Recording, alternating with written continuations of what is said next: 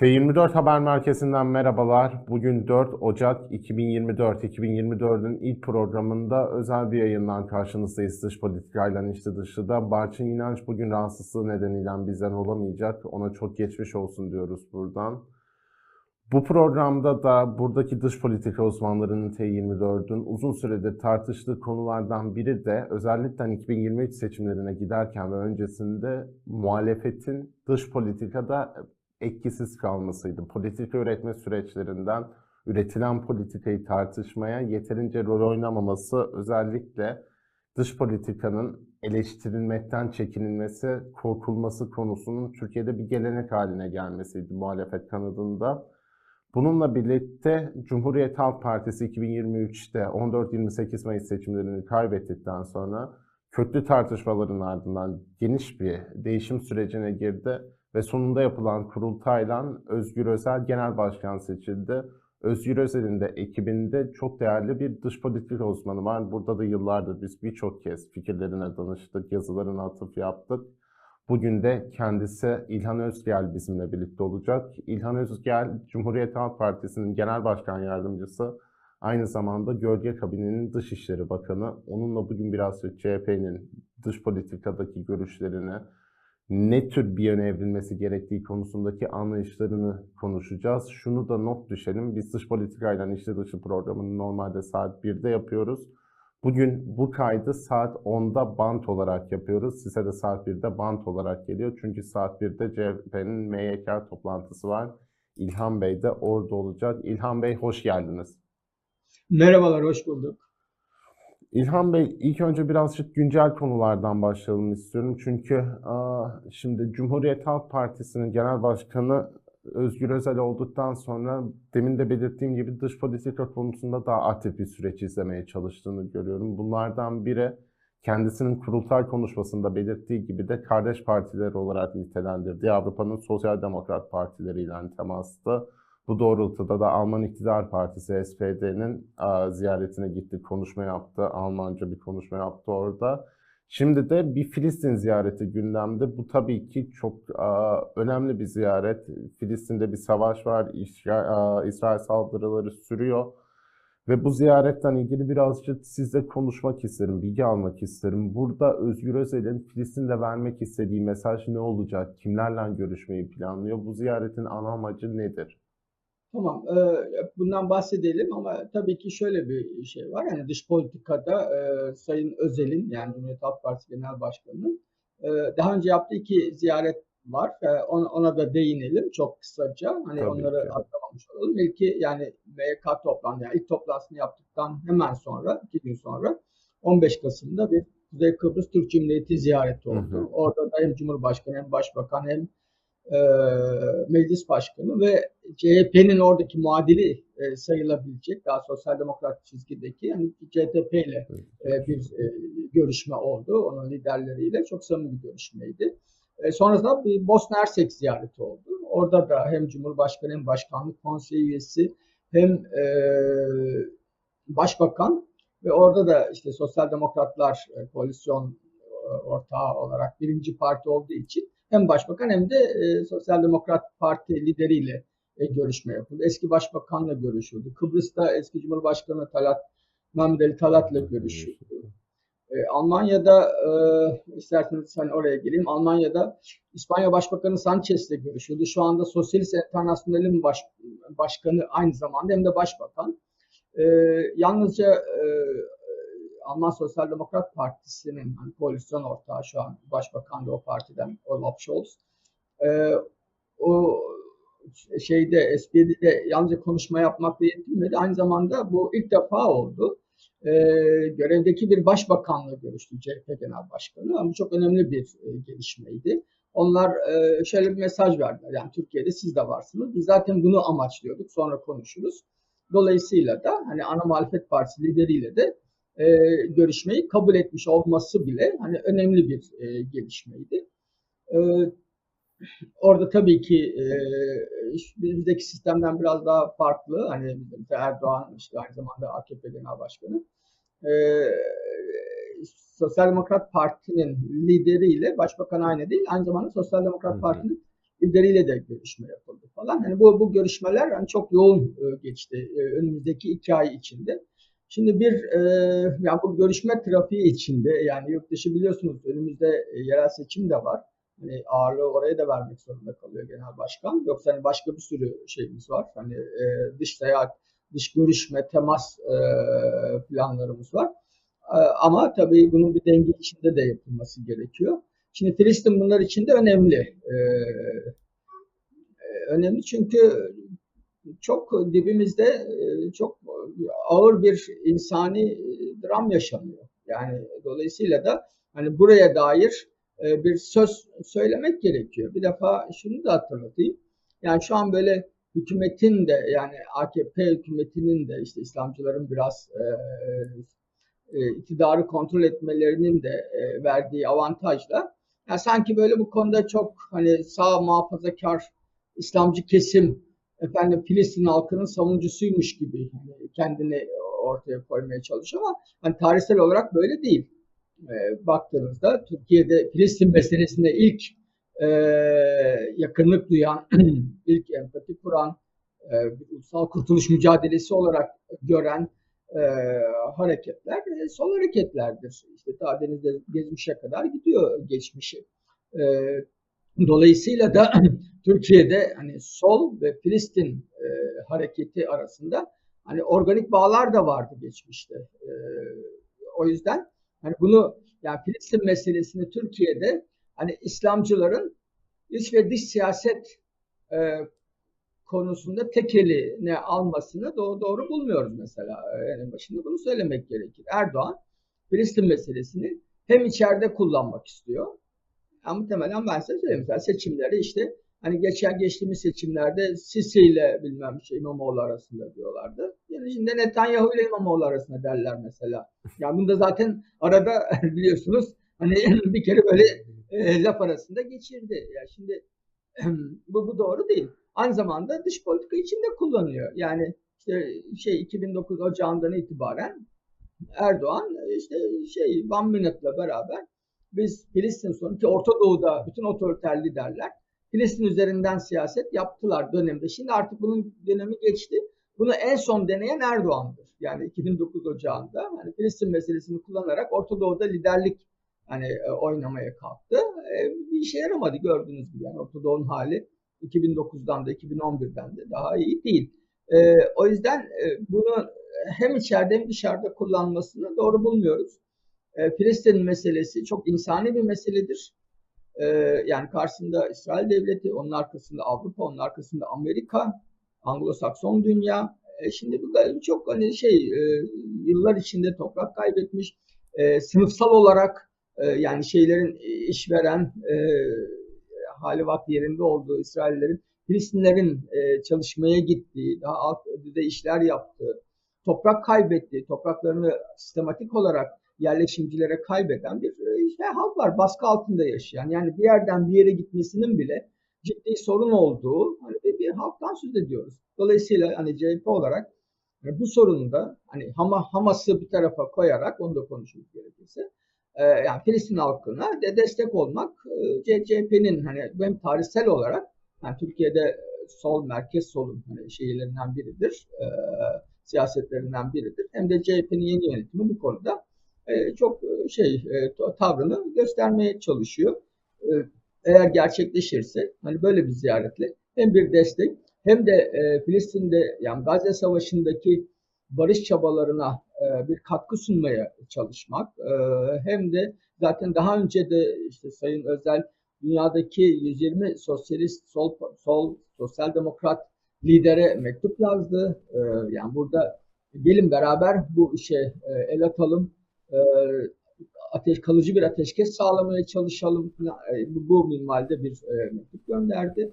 E, dolayısıyla da bu sorunla ilgilendiğini gösteriyor e, parti yönetimi olarak. Şimdi oraya geliriz dediniz zaten. Sizin de dediğiniz gibi aslında Filistin meselesini Türkiye özelinde de çok özel kıyan konulardan biri bu. Hem işte aşırı solun hem merkez solun hem İslamcılığın hem işte muhafazakarlığın Türkiye'de ortak bir davası, farklı bakış açıları olsa da hepsinin işte Filistin halkının yanında olman, ortak duruşu, ortak anlayışı bu konuda Ama özellikle süre gelen tartışmalardan biri de aslında bu sorunun Hamas'ın tekeline bırakılıp bırakılamayacağı. Öte yandan şimdi dış politika çok birbiriyle entegre sorunlar sarmalı olduğu için Hamas'la ilgili alınan bir duruş Batı'yla ilgili ilişkileri etkileyebiliyor. İktidarın yerel seçim dönemine giriyoruz dediğiniz gibi iktidarın söylemleri aynı zamanda tabii ki daha önce de geçmişte Cumhurbaşkanı Erdoğan'dan gördüğümüz gibi bu seçimleri kazanmaya yönelik kendi tabanını konsolide etmeye yönelik söylemler olabiliyor genellikle.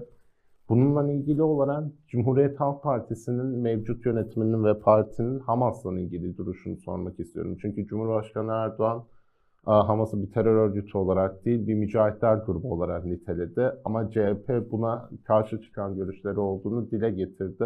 Tam çerçevesi nedir CHP'nin? Hamas'ın e, Filistin davasına zarar verdiğini düşünüyoruz.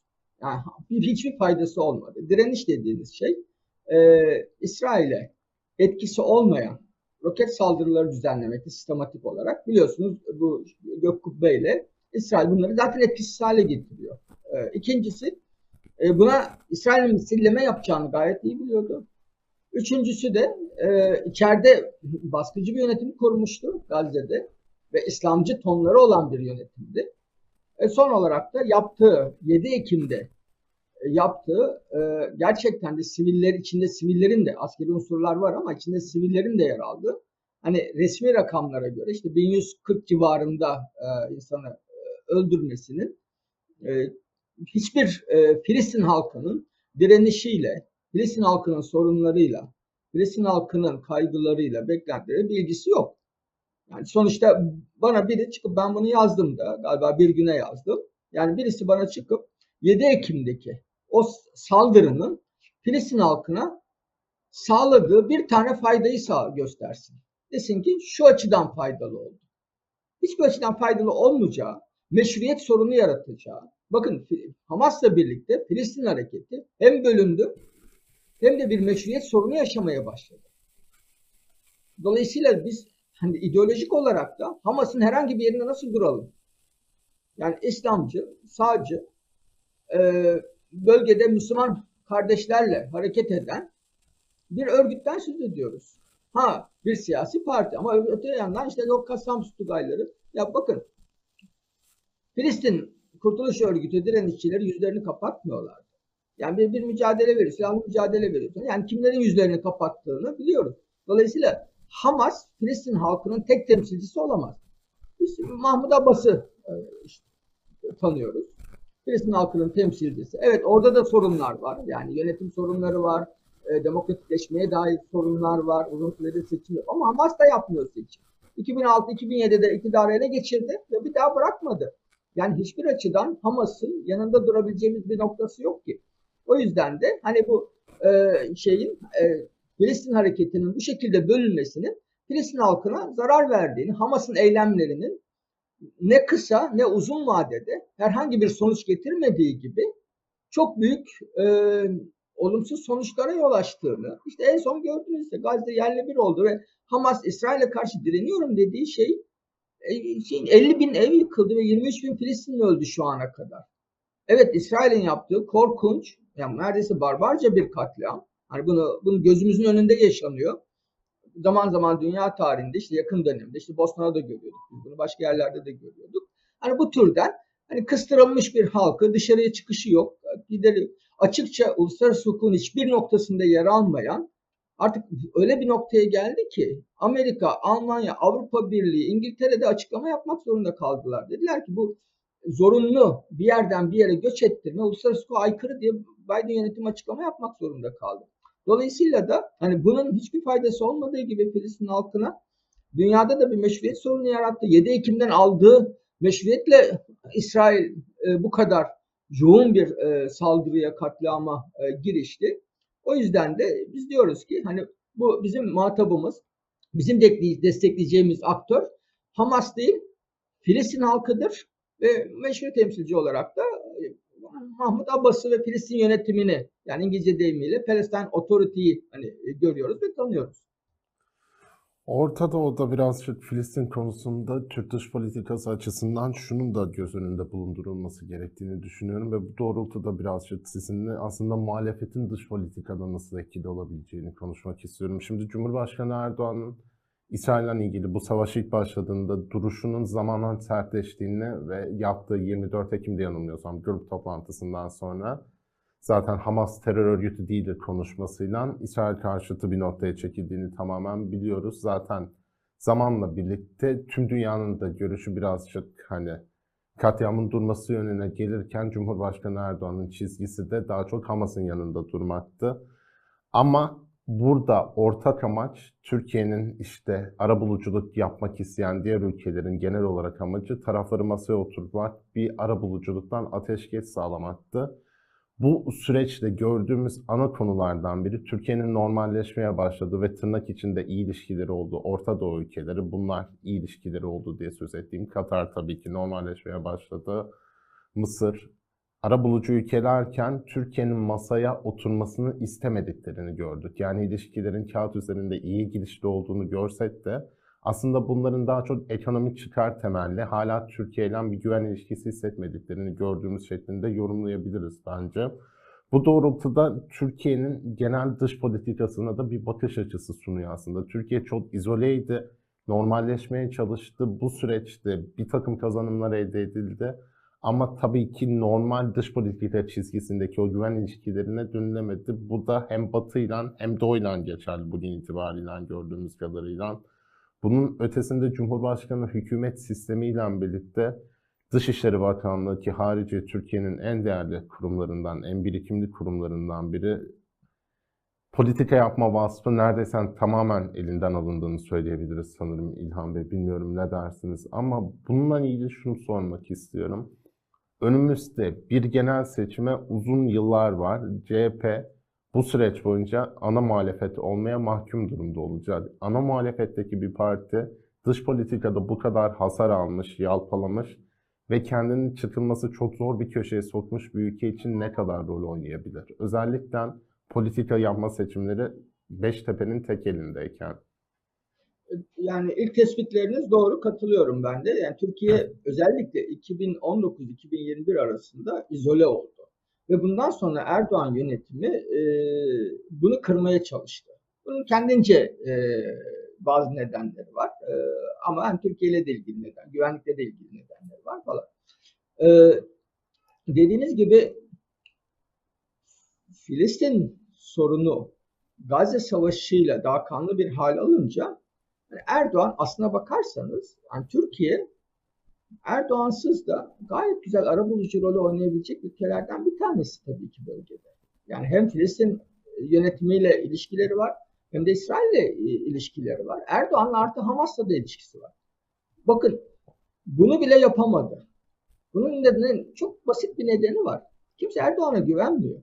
Kimse Erdoğan'la iş yapmak istemiyor. Bakın artık Putin de yapmıyor. Yani Putin de ilk e, bu e, tahıl koridoru anlaşmasını yaptılar. İkincisini yapmadı. Erdoğan'la bölgede çalışmak istemiyorlar. Bir de burada çok büyük bir hata yaptılar. Diplomatik bir hata. Yani bunu dışişleri, geleneksel bürokrasi yapmazdı. Ee, muhtemelen saraydan çıktı bu. Dediler ki biz garantör olacağız. Şimdi bu inanılır bir gibi. Yani ben hakikaten inanamadım böyle bir e, şimdi, şimdi garantör olma talebi dışarıda yukarıdan gelmez ki. Yani birisine siz de buyurun bize garantör olun demesi lazım. Yani siz o zaman dünyada dolar biz garantör olalım diye hani şey mi yapacaksınız yani e, piyasaya mı çıkacaksınız biz garantör olalım diye. Ve bu hiçbir yerden ne Filistin'den Hamas'tan bile karşılık görmüyor. Erdoğan muhtemelen e, bu rehine bırakma konusunda e, Hamas'a baskı yaptı. Yani batılı rehine kurtarırsam e, yani mesela 5-10 tane 20 tane batılı rehineyi Hamas'ın elinden alırsam benim bir cam sonucunda Batı karşısında e, belki prim yaparım. Hani Biden'ın gözünde prim yaparım diye düşündüler. O da olmadı. Ya Amerika'da hani diğer ülkelerde Gazze sorununda Türkiye ile Erdoğan'la değil Mısır ve Katar'la çalışıyorlar.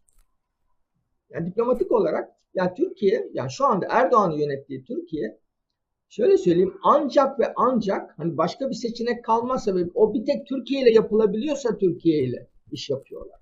Yani kimsenin Türkiye'de bu bölgede ya da bölge dışında küresel güçler açısından Türkiye ile bölgede iş yapalım. Hani Türkiye'nin hani ihtiyacımız var Erdoğan'la ortak çalışalım. Herhangi bir sorunun çözümü mesela işte Gazze meselesinde olduğu gibi.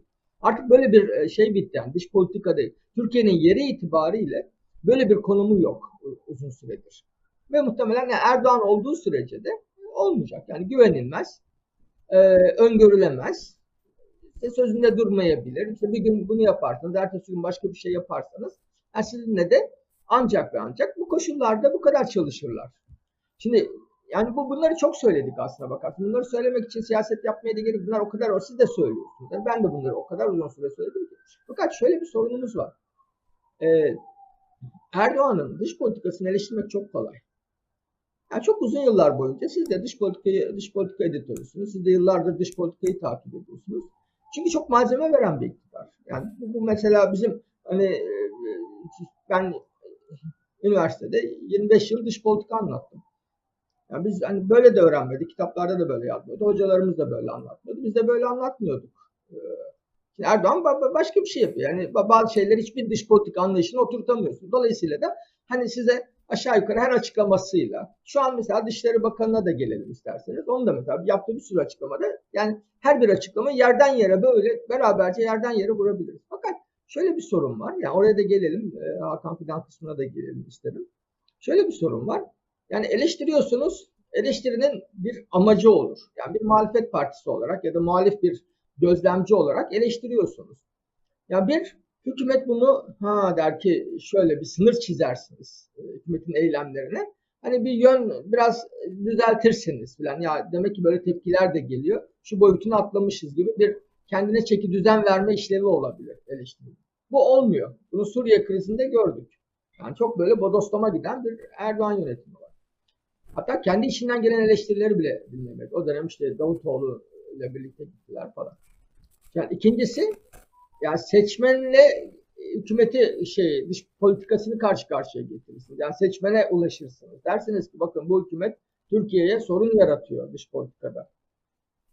Gerçekçi olmak gerekirse bunu siyasetten söylemek bilmiyorum ne kadar doğru ama bunun da çok fazla sonucu olmuyor biliyorsunuz. Yani hükümeti dış politika konusunda eleştirmenin AKP seçmeni üzerindeki etkisi ya yok ya da çok sınırlı. Yani öyle olsaydı yani muhalefet 2004 yılından beri BOP eş başkanı diyor Erdoğan'a. Ve bir, bir, şey, bir şey olmuyor. Yani mesela seçmen böyle hani yüzde beş, yüzde beş, yüzde beş düşmüyor. E, gidiyor yani gidiyor işte reis diyor vesaire. Başka bir şey düşünüp oy veriyor. Dolayısıyla da bizim elimizde bunu tabii ki yapmak zorunda bir muhalefet partisi olarak bunu yapmak zorundayız. Yani eleştiri mekanizmasını sürdürmek zorundayız. Dozu artarak da sürdüreceğiz. Ama öte yandan bir partinin kendi dış politika anlayışı da olmak zorunda. Partinin kendi dış politika aktivitesi de olmak zorunda. Şimdi burada bir farklılık getirmeye çalışıyoruz. Ha bundan önce hiç yapılmıyor. Yapılıyor. Yapılıyor. Ya böyle yeterince duyurulmuyor ya e, çok geniş aralıklarla yapınca e, etkisi yeterince vurgulanmayabiliyor.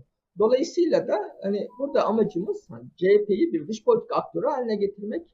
Bir dünyaya yani Erdoğan öyle bir hava yarattı ki yani Türkiye Erdoğan'dan ibaret. Bu, bu, bu algı var dışarıda. Yani Erdoğan dışında Türkiye'de yapacak yani er, Erdoğan varsa Erdoğan vardır. Yani başka bir Türkiye yoktur algısı var.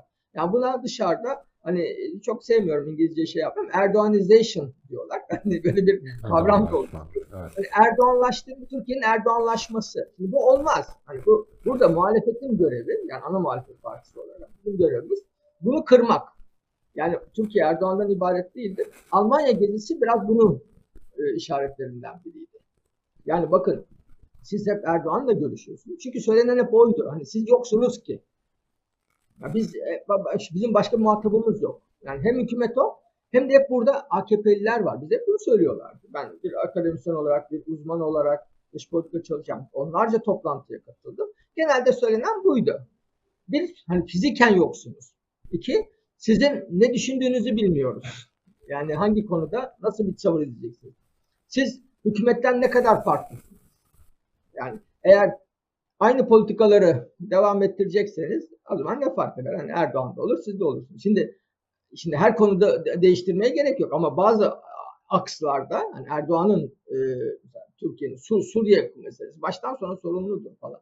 Şimdi bunları anlatmak gerekiyor e, şeye muhataplarımıza. Bir de Erdoğan tabii e, kendisini bir dünya lideri olarak e, sundu halk şeye seçmenine.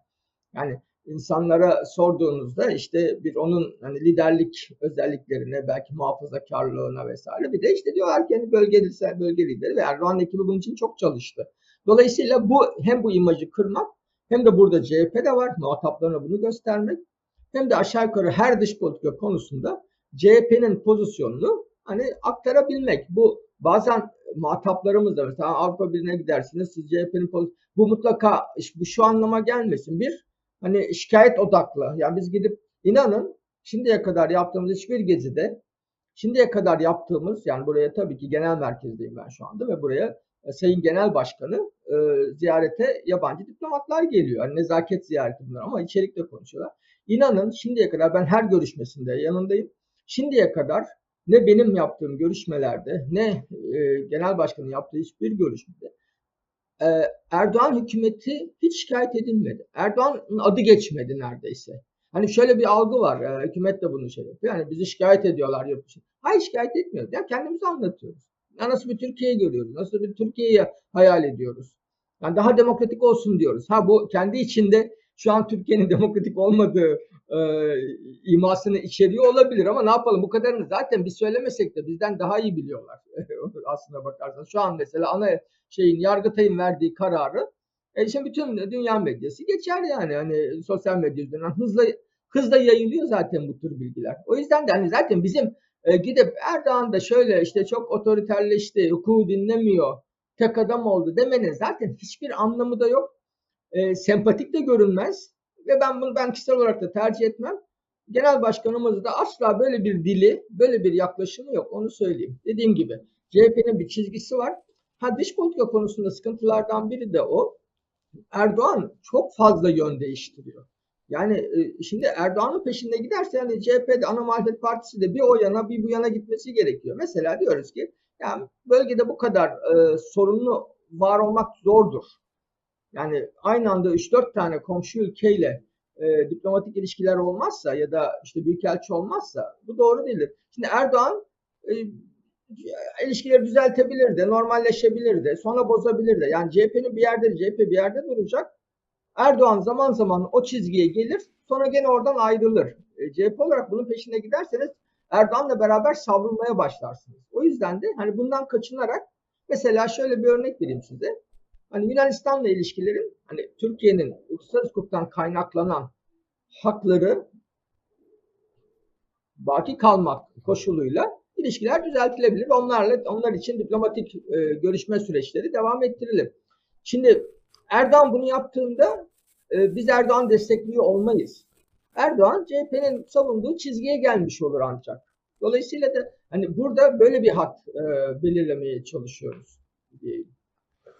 Bu savrulmayla ilgili şimdi aslında yani benim de bir şimdi bir yurt dışında mesela başka bir ülkede dış politika çalışan gazetecilerle konuştuğumuzda dediğiniz gibi onların bir konuya odaklanacak mesela 20 gün olabilirken bizde gündem çok hızlı savruluyor dediğiniz gibi. Ya bunun temalardan biri normalleşmeler olsa da bunun aslında yapılma süreciyle ilgili çok eleştiriler de oldu. Dediğiniz gibi bu normalleşmeler yapılırken biz Türkiye bir seçime gidiyordu. Bununla ilgili benim bir dış politika gazetecisi olarak aldığım en çok soru CHP'nin veya o dönem ana muhalefetin altılı masanın duruşunu doğru bir şekilde anlatamaması, dünyaya açamaması.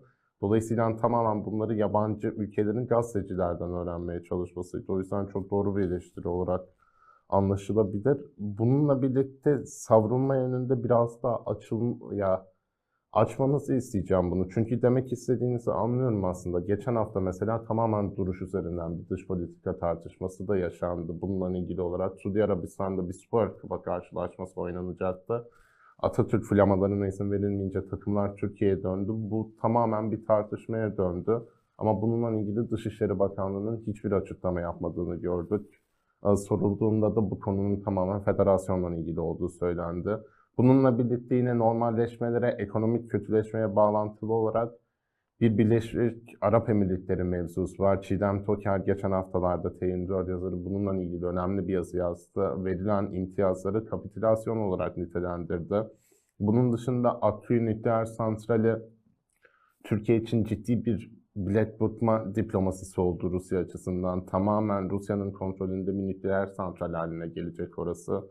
Bununla ilgili de enerji bağımlılığı üzerine Mühtan Sağlam T24 yıllığa müthiş bir yazı yazdı. Okuyucularımıza tavsiye edeyim buradan. Genel bir toplama yapacak olursak, şimdi dış politikayı etkileyen faktörleri burada tabii ki konuşmamız saatler alır. Zamanlar kısıtlı ama görüyoruz ki yani işte seçim kaygısı, ekonomi, bunun dışında dış politikanın zaten kendisinin getirdiği dengeler, Türkiye'nin bağlı olduğu NATO gibi kurumlar, bunları bir şekilde birçok etken zaten olması gereken etkene giriştiği anda artık denge kurulamadığını görüyoruz. AB eleştiriyor, NATO eleştiriyor Türkiye'yi, Türkiye NATO'yu eleştiriyor, AB'yi eleştiriyor. Bununla ilgili olarak toplamda şunu sormak istiyorum. Yani bunu tabii ki sadece Suudi Arabistan veya işte başka bir ülke özeline indirmeden soruyorum. Türkiye bu kurumlar dünyasında CHP'nin gözünde nerede olmalı? Çünkü İsveç'ten mesela verilen onay İsveç'in üyeliğine Türkiye'nin CHP tarafından verilen onay bize şey mi anlatmalı? CHP tekrar yüzünün batı kurumlarına dönmeli. Yoksa bu onay aslında tamamen güvenlik kaygılarıyla mı verildi? Türkiye NATO ile bağlantısı CHP açısından Batı ile olan son kurumsal bağlantımız olarak görüldüğü için mi verildi? Ve Türkiye CHP iktidarında nasıl bir yönelme olmak zorunda? Bu denge politikasında mı, eski alıştığımız Batı kurumları diplomasisinde mi, yoksa AB ile tekrar ilişkilerde mi? Genel bir çerçeve çizerek bitirmek isteyeceğim. Teşekkür ederim. Yani dediğiniz gibi bir defa oradan başlayayım. Ee, bir sonraki seçimler için en az 4 yıl var. Ama burası Türkiye. Bilemezsiniz. Yani böyle çok büyük öngörülerde e, bulunmak mümkün değil. Geçmişte öngördüğümüz şeyler çıkmadı. Hiç aklımıza gelmeyen inanılmaz sayıda şey oldu. Siz de biliyorsunuz. Dolayısıyla e, dış politikada eğer aktif olursanız, dış politikaya dair bir fikriniz varsa, bunu kamuoyuna anlatıyorsanız ve bunu dışarıya anlatıyorsanız, bu aynı zamanda hem seçmende hem de dışarıda e, Türkiye'yi yönetmeye aday bir şey politik aktör olarak görülmenizi sağlıyor. Diyorsunuz diyorlar ki yani bu hazır hani gelebilir. Bunu hayatın diğer alanlarında da yaptığınız sürece siz e, iktidara daha daha aday bir e, siyasi parti olarak görülüyorsunuz. Dolayısıyla böyle bir önemi var. Yoksa kısa vadede yani dış politikanın birebir seçimlere etkisinin olmadığını biz de biliyoruz tabii. Ama buna kümülatif yaklaşmak gerekiyor. Şimdi CHP Türkiye'yi nerede görüyor? Bir defa şimdi en önemli nokta şu. Böyle doğudayız, batıdayız, Avrasya'cıyız falan bu, bu, bu değil. Mesele şu. Türkiye'yi bir defa demokratik olarak görmek istiyor hukuk devleti olarak görmek istiyor. İnsan haklarına saygılı olarak görmek istiyor. Yani bu şöyle bu tehlikeli bir soru. Hani bunu so, so, sorması so, son derece meşru bir soru. Fakat şöyle de bir sonucu var. Yani ağzınıza çıkacak her bir cümleyi yani bir medya organı alıyor batıcısınız, NATO'cusunuz, Avrasya bir yere yapıştırıyor. Şimdi böyle bir şey yok. Zaten dünya böyle olmaktan çıkıyor. Yani bu güç merkezleri var. Yani çok kutupluluk hani tartışmalı bir şey ama dünya dünyada güç merkezleri var. C, CHP Türkiye'yi demokratik, insan haklarına saygılı, gelirin eşit olarak dağıtıldığı, toplumsal barış ve huzurun sağlandığı bir ülke olarak görmek istiyor. Şimdi bunu siz bu tanımı yapınca bu nereye oturuyorsa siz orada olursunuz zaten. Bilmem anlatabiliyor muyum? Yani bu bu mesela Kırgızistan oturmayabilir. Ee, ne diyelim başka ülkelere oturmayabilir. Ama şu da var. Şimdi dış politika belli bir realite altında yapılıyor. Yani biz e, nasıl bir dünyada dış politika yapacağımızı seçemiyoruz. O dünya var. O dünya içinde dış politika yapmak istiyor, yapmamız gerekiyor. O yüzden de yani Batı ile de ilişkilerini ciddi olarak e, kurarken Rusya'yı göz ardı etmeyen bir dış politikaya ihtiyaç var tabii ki. Çin'i, Asya'yı göz ardı etmeyen bir dış politikaya ihtiyaç var. Yalnızca AKP ile ilgili en büyük eleştirimiz ve benim de şahsen yıllardır vurguladığım e, nokta Türkiye hem iç, içerisinin yani toplumsal düzeninin hem de dış politikasının aşırı Orta Doğulaşması olgusu. Yani Türkiye'nin dikkat edin siz de bahsettiniz hani bir gönderme yaptınız. Hani futbol maçı Riyad bilmem işte İstanbul'da bir şeyin e, konsoloslukta gazeteci Kaşıkçı'nın öldürülmesi. Yani 4 milyon mülteci sığınmacının buraya gelmesi, burada kalması, aşırı otoriterleşme, hilafet bayrağı. Yani Türkiye siyasetinin toplumunda yukarıdan aşağı yani belki toplumun çok da talep etmediği ama iktidar tarafından topluma giydirilmeye çalışılan İslamcılaşma ve Orta Doğulaşma e, şeyi var, eğilimi var. Bu, bu, bu, bu, buna karşı çıkıyoruz. Çünkü toplum da bunu istemiyor aslında bakarsanız. Yani Türkiye toplumunun çok geniş bir kesimi modern, kentli, seküler İstanbul Sözleşmesi'nin e, tekrar kabul edildiği, uygulandığı, kadınlara saygılı, şiddetin olmadığı bir Türkiye'yi hayal ediyor. Onun için de gençler gitmek istiyor e, Türkiye'den. O yüzden bu, siz bu Türkiye'yi kurarsanız yani Avrupa Birliği size gelir zaten. Sizin Avrupa Birliği'ne gitmenize de gerek kalmaz.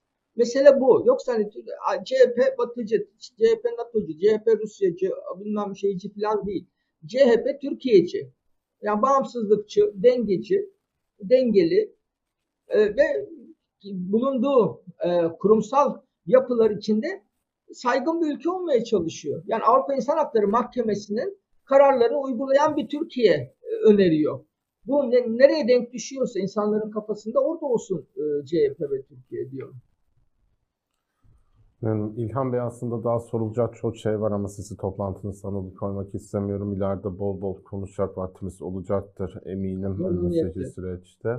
Çok teşekkür ediyoruz konuk olduğunuz için. Ben teşekkür için. ederim. Aa, iyi, teşekkür ederim.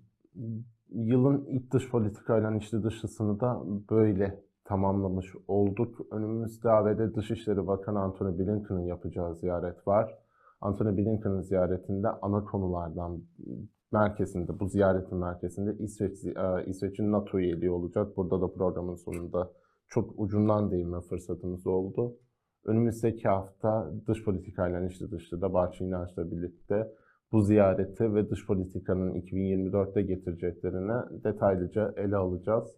Yeni yılda da bu ekranlarda olacağız. Önümüzdeki hafta aynı gün aynı saatte görüşmek üzere. Kendinize iyi bakın.